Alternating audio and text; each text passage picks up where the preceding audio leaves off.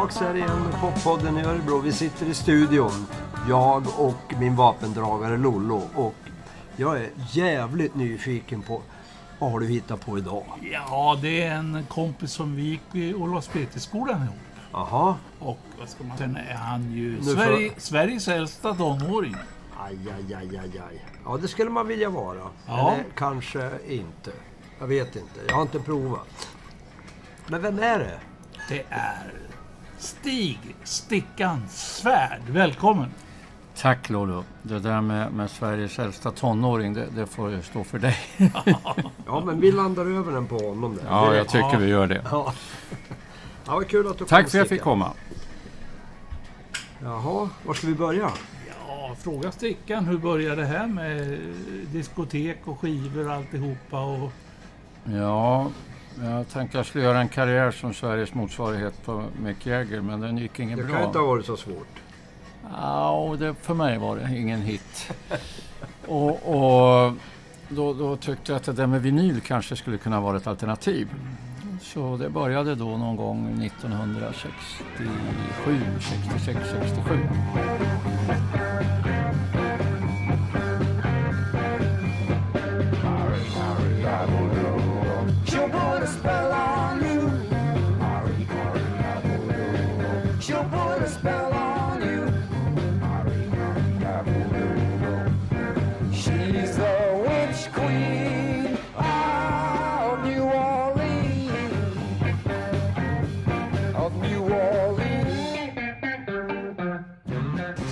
Då började jag med, med det och eh, det försiggicks av att eh, ett gäng ungdomar i Örebro som inte hade någonstans att ta vägen lyckades tala med maktens boning då, Örebro kommun och värva dem till att bygga ett diskotek mitt i city i Örebro på Järntorget i en gammal eh, före detta restaurang som heter Centrumrestaurangen som låg i, i EPA-huset vid Järntorget. Ja, just det. Var ovanför konfekthörnan. Precis. Ingången var faktiskt igenom konfekthörnan. Man gick in där nere. gick man en trappa upp. Och där så skaffade Örebro kommun den lokalen. Och där fick vi husera med lite stöd från kommunen. De anställde bland annat en snickare. Och, och som var den som visade oss hur vi skulle kunna bygga och greja. Och så fick vi tag i lite gamla möbler från, från någon gammal rest, eh, café och lite annat. Och där eh, byggde vi ett, ett diskotek som hette Don Quixote. Och på den tiden så fanns det ju inga discoanläggningar och sånt här utan det var någon som var duktig och hade kontakter på någon som kunde det här med ljud. ljud. Så det byggdes eh, med stora fyrkantiga högtalare som satt uppe på väggarna. De var väl en gånger en meter och sånt där med lite bas och lite diskant och mellanregister i. Stort skulle det vara på den Stort skulle det vara, ja. Och, och sen så skulle vi då ha också lampor som blinkade. Och, och då, bland annat ett stroboskop kommer jag ihåg. Och vi fick inte tag i något riktigt stroboskop så jag byggde en med en liten elmotor och eh, en bakelitskiva som rund som jag sågade lite hack i. Och sen en släpkontakt och sen hade vi en 500 watts lampa och så var det av och på.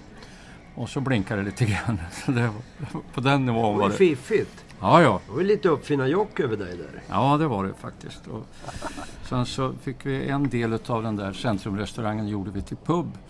Där vi då med, med vi brände trädpanel och spikade upp på väggar så det skulle bli som en riktig gammal mm, westernpub. Och sen lyckades vi övertala då kommunen om att vi skulle få sälja mellanöl där inne. Och det lyckades vi med. Så sen började det hela. Så hade vi premiär då med, med en av Europas främsta diskjockeys från Radio Luxemburg som hette Paul Brunette. Jaha. Och det vart ju knökfullt. Och Folk var där och tittade på honom och han spelade. Och jag vart ju imponerad av att se en sån gubbe. Fast det var bara det att det var inte Paul Brunette utan det var en kamrat med som hette Paul Wolgars som var från Stockholm. Engelsman, duktig diskjockey. Men det var ju ingen annan som visste mer än jag och någon till. Så vi, vi, vi fejkade Paul Brunette. Men det var ett bra namn att dra och fylla stället med första kvällen. Det var första gången fake news. Eh, Ja, kom i precis. dagen. Det kan man säga. Och det är ingen som har fått veta på ja, säkert 30 år så var det tyst om det. Nu, Paul Brunette. Men så hände det någonting nere i foajén där, någon som skulle gå in och... Ja, vi hade en av killarna som var med i diskoteksföreningen. Vi, vi, vi, det vart en förening det där. Och han hette Olle Karlsson. Han satt i kassan och tog betalt. Och så kommer det en gäst och säger eh, in där och säger Hörru du, det här kan ju inte stämma med att Paul Brunette är här och, spelar. För att eh, jag kommer hemifrån. Jag har just lyssnat på Radio Luxemburg och han är ju där och sänder. Men Olle han fann sig väldigt bra i det där så han säger ja men det fattar du väl att, att han är ju här uppe och spelar så att det där du lyssnar på på radion det är ju inspelat. Han är ju här. Och det köpte den här gästen och gick och betalade pengar och gick upp och tittade på Paul Brunette. Det kan han väl kanske fortfarande ha med sig hem för han visste ju inte att det inte var Brunette. Ja, men nu vet han det. Nu om man lyssnar så får han veta det, ja Ja, ja. exakt. Ja, Det var kul. där började min discjockeykarriär kan jag säga. Ja, men du, du hade ju hållit på med massa annat också. Jag vet ju att du hade... Ja, Lollo nämnde ju gul och blå. Mm, det är mycket senare. Ja, du var lite i klädbranschen. Jag gillade mode, kläder och då så på tisdagar så åkte man upp till Stockholm och klev in i Birger Jarlspassagen. Där hade, fanns det ett företag som hette Gul och Blå. Som var inrett lekfullt med mycket från eh, Andy Warhol och de hade en kassadisk som var sån där Campbells soap, soppburk och lite annat. Och där på tisdagar vid 11-tiden så kom det en sån där stor van fullastad med jeans och då var det kö i hela Birger Jarlspassagen. Så släpptes man in och så gick man en trappa upp och där hade de en stor jeansdisk. Sen hade de en blå skärm och en gul skärm och så fick man, jag ska ha ett par, de hette TT, utställda jeans. Och då tittade killen på andra sidan disken på det och så sa han, du ska ha ett par 44 Jaha, och så går du och ställer dig bakom den blåa och provar och de där satt perfekt. De hade öga för det där. Och jag gillar hela den här den formen som man drev den här butiken i. Och så upptäckte jag att det saknas ju en sån butik i Örebro. Så jag satte mig och åkte upp till Stockholm och klev in på deras huvudkontor där och fick träffa ägaren där. Han hette Lars Knutsson och berätta för honom att jag ska öppna en sån här butik i Örebro. Och då tittade han på mig och sa, men du Stig, vi, vi, har inga, vi är inga grossister eller något sånt där, utan vi har en butik här i Stockholm och en i Malmö, men inget mera.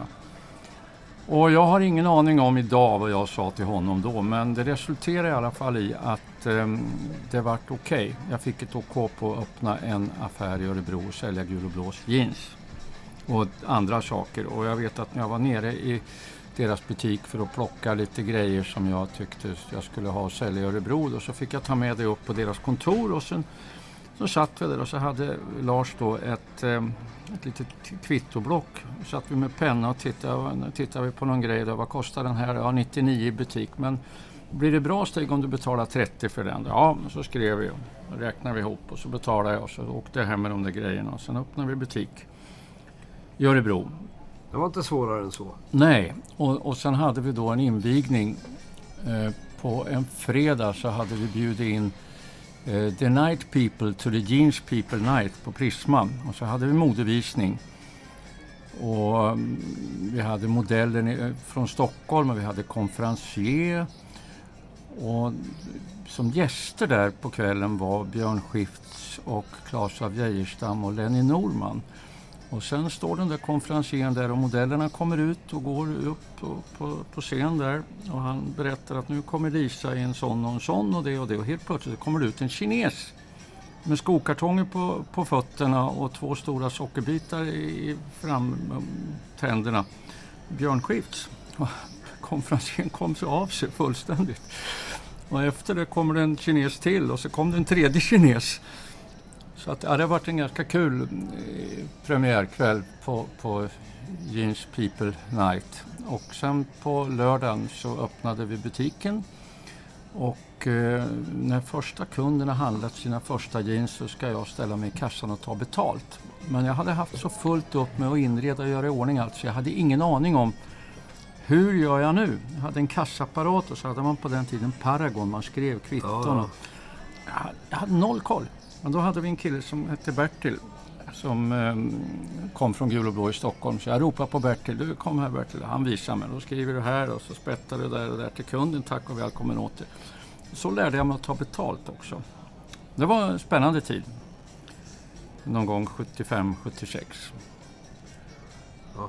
Så, den där- så började min, min karriär i, i modebranschen. Men du Stickan, hur var det med Wrestle Dazzle Show?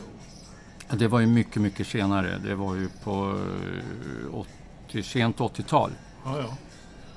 Då, då har det ju gått eh, 75-85, ja 10 10-15 år ja vi kan senare. väl hoppa lite då? Gör Ja, ja, ja, ja, det var ju, vi skapade då en modeshow, Var Magnus Sjöberg med där också? Lite? Alice Band. Ja, Alice Band Mm. ja. De fick vara förband till showen. Så då reste vi runt i Sverige till eh, massa butiker runt om i Sverige som eh, hade, mm, sålde gul och blå. Uppträdde. Allt ända ner till Kalmar var vi och, och körde. Och, och i Stockholm och i Uppsala och i Västerås. Ja, vi var i massa ställen. Och vi hade då, vi var väl en, en 14-15 stycken modeller och dansare. En jättefin, kul show. Nu ska jag kasta in en, en fråga här emellan allt det här. Eftersom du har varit diskjockey då. Mm. om man säger om du gör ett snabbt överkast på när du börjar disco. Ta topplåtarna som du spelade då. Om man säger då 70, 60, eh, alltså 70, 80 och 90 framåt. Liksom. Mm. De som har varit absoluta discotopparna. Några stycken bara. När jag, när jag började en gång i tiden så Junior Walker and the All-Stars kommer jag ihåg. Det här måste ju vara 1966-67.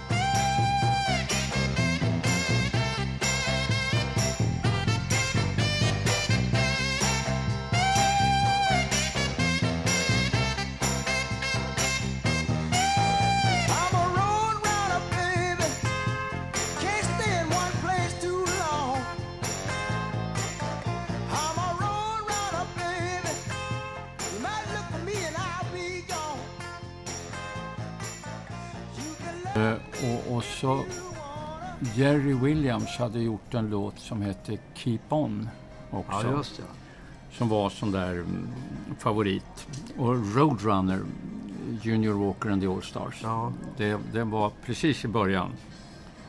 Det, det är lite, och sen eh, kan man ju gå vidare då från 60-talet, för det var ju bara några år där. Och, ja, det fanns någon Israelite, Desmond Decker. Ja, just ja. Och, och sen så kommer vi fram i 70-talet och då dök ju de här grabbarna från San Francisco upp, eh, Village People. Och gjorde den här, ja just det, KFUM-låten. Och så hade du ju de här indianerna också. Redbone var ju populära. Ja, eh, just det. Witch Queen. Witch Queen of New Orleans Ja. stämmer också. Eh, Och sen vidare in i 80-talet så då, då, då började ju diskomusiken komma. Eh, Det fanns ju inte på Du 60 menar den riktiga diskomusiken? Ja, det man kallade diskomusik Ja, med Donna Summer och, Ja. och, och den typen av musik. Färdig pro- programmerat lite grann. Och, Ja. och sen kom ju de här tjejerna då. Ja, vad hette de då? I'm so excited. eh, Pointer Sisters. Pointer Sisters, ja. Tony Pointer.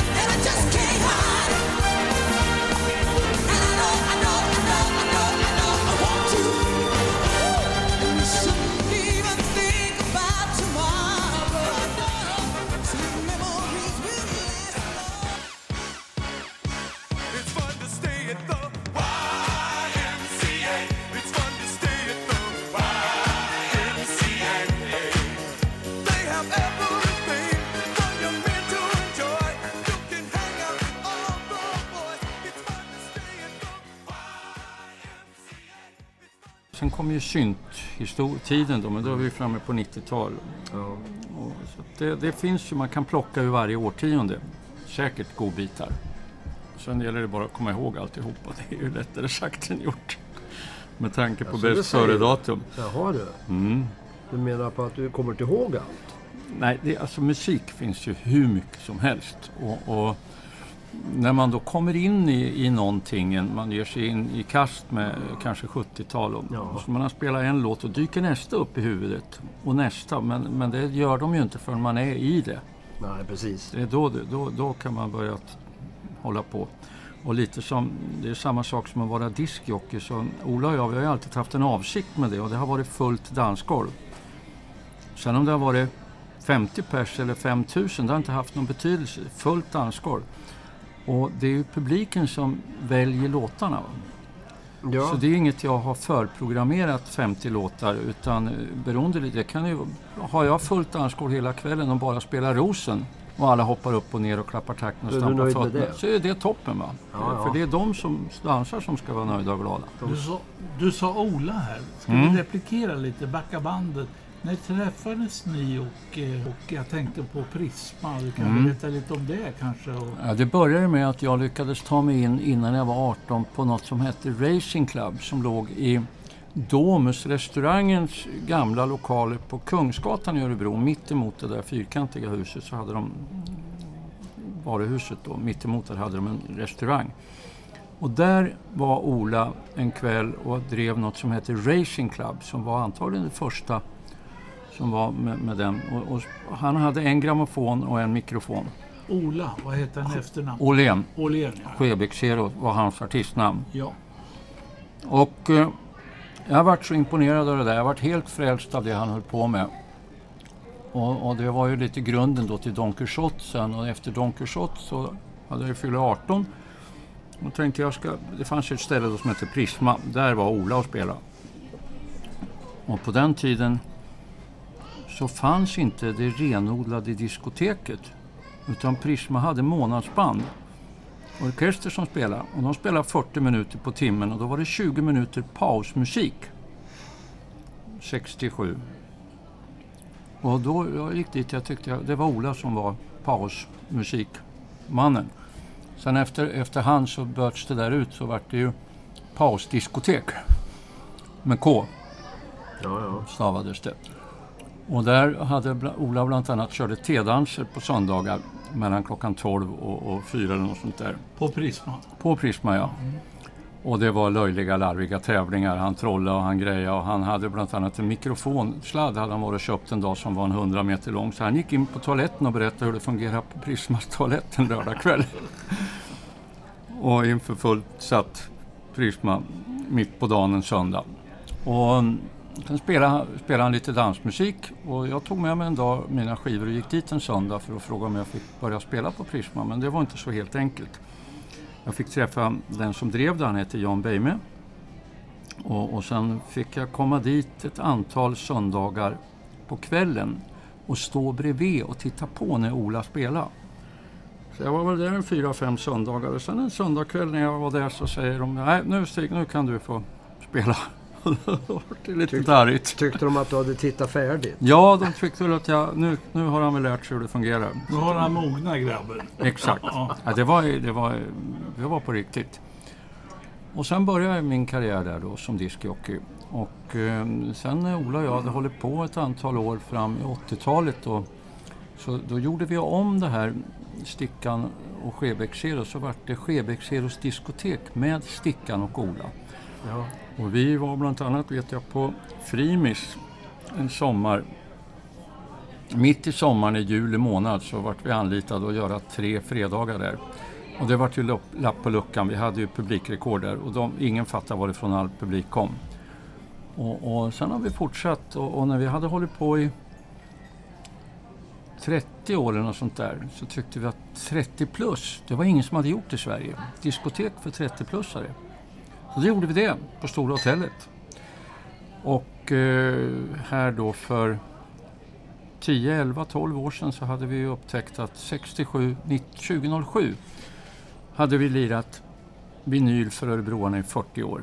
Och då skapade vi någonting som hette Årets fest 40 plus på Club 700. Och körde igång och det var lapp på luckan första kvällen vi gjorde det där, det 13-årsafton. Och det var också, vi var först, det fanns en kille i Ultravox i London, Stevie Grange, som hade ett 40 plus ställe, om jag minns rätt, i London. Men i Sverige var det ingen som hade gjort det förut, så det var vi. Det är kul. Du måste berätta, jag vet Skebäck Zero, var det ett öknamn på Ola eller vad kommer Nej, det han kallade det för sitt artistnamn. Han bodde Jaha. nämligen i Skebäck. Ja, det vet jag. Och så var han väl hero där då, hjälten, Jaha. i, hjälten i Skebäck. Ja, precis. Han var den enda hjälten. Ja, om, om, det var, om det är det man ska då förknippa hero med. Men, men eh, så menar jag det var. Okej.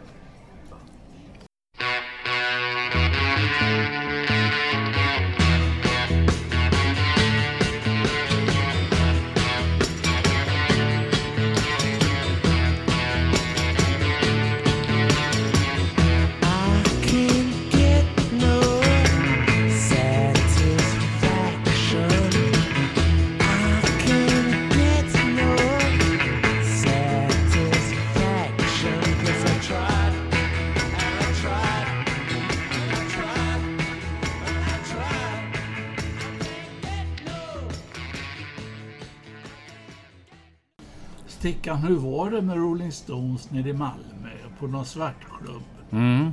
Det vill jag höra. Det här Eller- måste ha varit... Det var första gången Stones var i, i Sverige. Jag kommer inte Ja. ihåg årtal. 66, 65. Och de spelade i Baltiska hallen i Malmö. Och vi hade åkt ner fyra grabbar. Vi hade en som var 18 år och hade bil. En Peugeot. Åkte vi ner och vi tältade i Lindhamn. Och vi var där några dagar innan. Och då så hittade vi inne i Malmö en klubb som hette Western 1 källarklubb. Där kom ju vi in. Och, och alla talade ju skånska. Så vi var inga populärt. Vi, vi talade inte skånska. Det var märkligt. Och sen hade vi åkt över dagen innan. På dagen åkte vi över till Köpenhamn och jag köpte bland annat en, en poster, en jättestor poster med Rolling Stones på.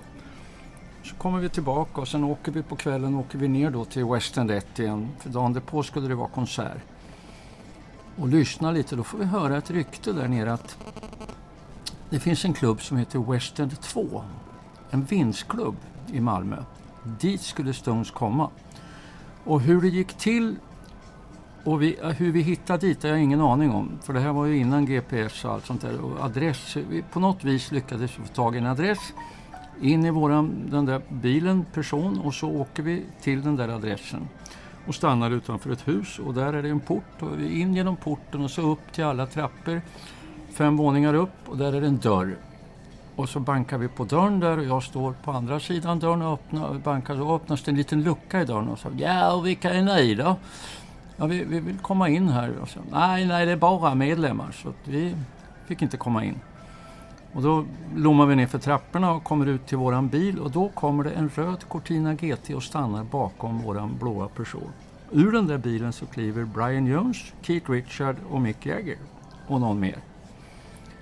Och kommer fram till oss och frågar den här Western 2, var ligger det? Det är här, ett ögonblick säger vi då, så upp med kofferten och fram med affischer och grejer och autografblock. Och så skrev de på de där grejerna då. Och sen så gick vi upp och jag bankade på den där dörren igen och dörren öppnades. Och nu var det helt, vi är här med Stones. Och det var ju bara att öppna dörren och in. Och där inne i den där lokalen så fanns det då, mitt på golvet så stod det två soffor i, i vinkel och så var det ett bord och någon fåtölj. Där rensade de och där fick vi sitta. Och där var vi då ett ett tag. Och, och det var väl inte så kul där, men det var ju en massa tjejer också. Och sen var det någon som föreslog att vi skulle åka till Lindhamn, för där var det någon tjej som var ensam hemma i någon villa. Hennes föräldrar var bortresta. Så dit åkte vi. Lasta in fullt med folk i person och fullt med folk i den där Cortinan. Var Stones med då? Jajamensan. Så då åkte vi dit och där var det ju rock'n'roll och fest och allt. Det finns någon film på det där också. De, de ringde, det kom ju killar från Malmöband och dök upp där under kvällen. Så att, ja, spännande stories. Kan det ha varit Name Losers? Eh, Göteborg va? Ja det kan ha varit Nameless. Om det, jag, kommer, jag vet inte om de var från Göteborg eller de om var de från var, Skåne. de var från Skåningar. Då var det nog säkert de som kom. Hounds, Dog Hounds fanns det något som hette kanske. Ja. Stockholmsband tror jag. Var det Stockholmsband? Ja, ja, det var några där nerifrån i alla fall. Gonks, Gonks ja. det kan de ha heta va? Ja, Mm. ja. Man kunde ju heta vad som helst. Ja, ja, oh, ja. Men Gonks var bra. ja, ja. Så det, Jag tänkte på du nämner det där att ni var hemma hos någon tjej där i Lima. Jag såg någon dokumentär. Mm. Om, och tydligen så var ju den där tjejen, hon vart ju tillsammans med Brian Jones. Om det var hon då. Ja, hon var Eller? där vet jag. Ja. Hon som var, det var någon svensk tjej där som Ja, var ihop precis. med honom. Just. Men vi har ju haft annat kul här i Örebro. Man behöver ju inte åka till Malmö för att träffa kändisar. De hade, vi hade ju besök i idrottshuset utav The Who. Ja, just det. Det får du berätta. 60, kan det ha varit 64 så det, är Och ungefär. tandläkarmottagningen. Ja. Ja, och, och då har jag en god vän, en barndomsvän som heter Jan-Erik. Han eh, var lite varit försigkommen. 67. Då bodde jag här i stan. Jag flyttade hit Ja. 65. Och han hade i alla fall tagit kontakt med arrangören utav den här galan på Idrottshuset och berättat att han var fotograf. Så han var akkrediterad och fick ju komma in gratis. Han kom till och med in backstage och fick tala med grabbarna alltihopa och fick klart för sig att de bodde på hotell Greve Rosen som ligger nere på vad är det?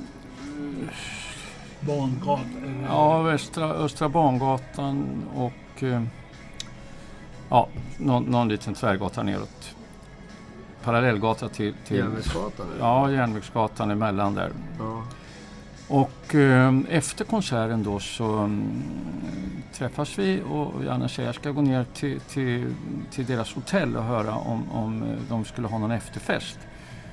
Och, så vi går dit, eh, några stycken då, och, och Janne går in och, till receptionen och ber att få tala med The Who, men nej, ja men jag har till och med rumsnumret. Så och då berättar han det och då fick han kontakt och då kommer Keith Moon och deras basist Roger, nej, John. John Entwistle John Entwistle. kommer ner. För de andra två då, Roger Daltrey och Pete Townsend, de var lite trötta. Så, och då hade vi ingenstans att ta vägen och Jan-Erik då, vars far var tandläkare, hade, de hade tandläkarpraktik på Storgatan 26. Hörnet Järnvägsgatan, Storgatan. Så dit gick vi. Och det vart vi ett gäng då på 8-10 stycken. Och, och det var ju rätt häftigt att få träffa de här grabbarna. Jag vet att Keith Moon han hade vita boots och vita boots det hade vi inte ens sett på vykort. Det är bara det. Och ja, vi snackade och det var tedrickande och de käkade lite blommor. Och Det, ja, det var väldigt, eh, inga konstigheter alls. Och jag vet att Keith frågade efter en stund om han fick ringa hem till London för han hade eh, han visade bild på sin, sin flickvän, en liten sån där snapshot man tog i sån där apparat. Och, och frågade om han fick låna telefon. Och, och Janne sa ja visst. Så han ringde till London då och talade med sin flickvän. Och sen ja, och, och på nattkröken där sen så jag var ju tvungen att hem. Det här var en söndag för skolan började på måndag. Och sen fick jag höra av Jan-Erik då efteråt, där vi var hos, att eh, han hade ju ringat till London på den tiden. Det var inte gratis. Han var ju livrädd att pappan skulle upptäcka telefonräkningen, att det skulle kosta. Men det, det, det gick bra. Han märkte aldrig det. Så att eh, de grabbarna har jag också träffat och fått alla deras autografer. Och där så stängde ju polisen, vred ju av strömmen på Idrottshuset när de uppträdde.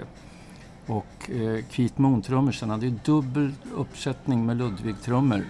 Och han, eh, det var eh, det enda som kunde låta var hans trummor, så han fortsatte ju. Till slut hade han bara en virvelkagge kvar, allt annat hade han sparkat ut på scenen.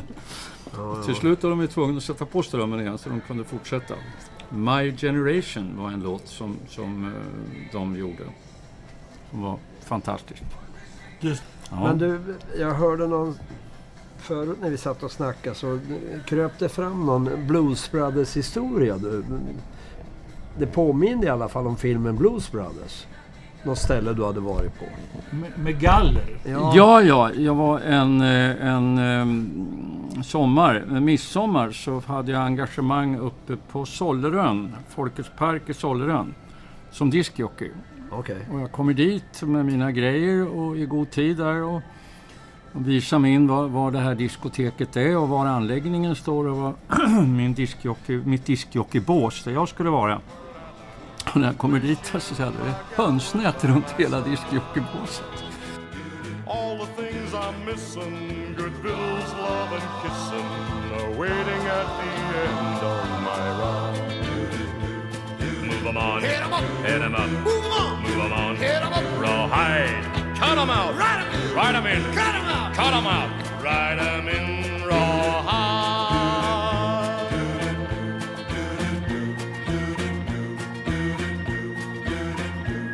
Keep moving, moving, moving, though they're disapproving. Keep them doggies moving rawhide. Don't try to understand them, just rope, throw and brand them. Vad, vad, vad är det här då? Nej men du vet publiken här, om de inte gillar musiken du lirar då kastar de eh, flaskor och ruttna ägg på dig. Så det var därför de hade satt upp ett galler runt hela det där. Men det gick bra. Eh, De var nöjda, publiken. Det var ju raggare så det var ju bara att lira raggarmusik.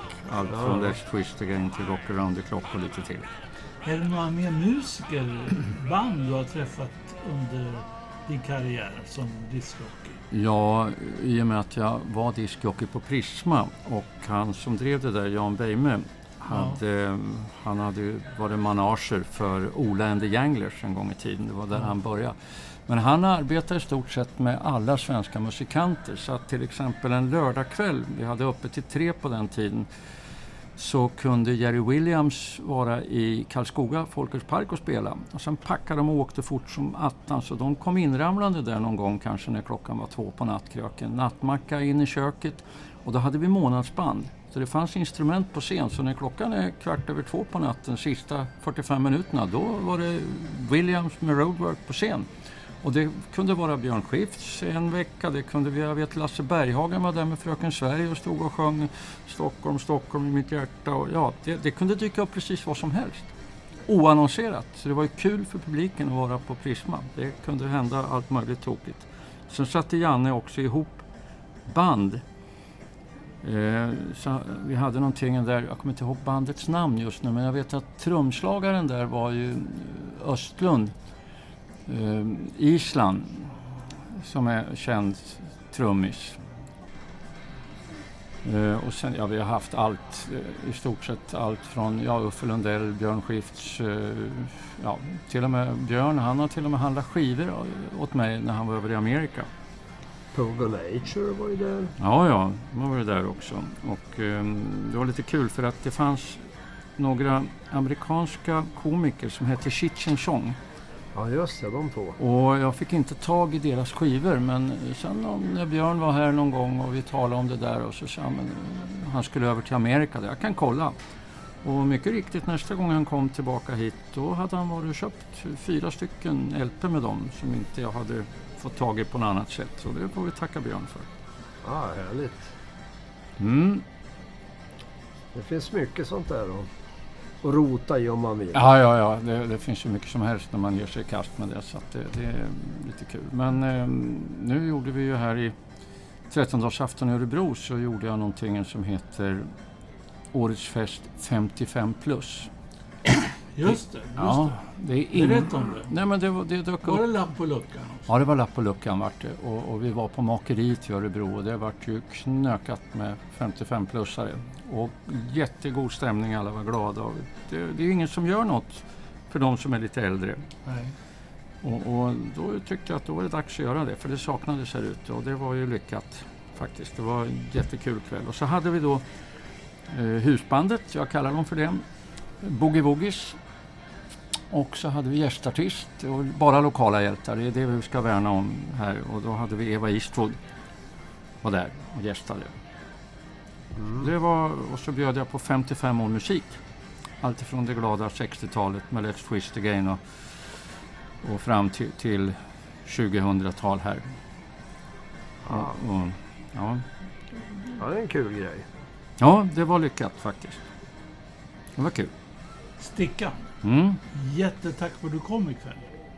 Ja, tack själv Ja, för att jag fick komma. Ja, Har ni fått en liten inblick i lite vad jag pysslar med här? Absolut. Ja, Ja. Det finns mer att ta. Ja, ja, det hör ja. jag ju. Så att, eh, frågan är om eh, vi inte gör en eh, uppföljare kanske Ja. någon gång i, Ja. fram igenom. Och då har vi blivit så gamla vi inte kommer ihåg vad det har sagts. Då måste vi lyssna igenom men programmet en jag får gång till. skriva något sånt där, några stolpar så jag har en aning om vad vi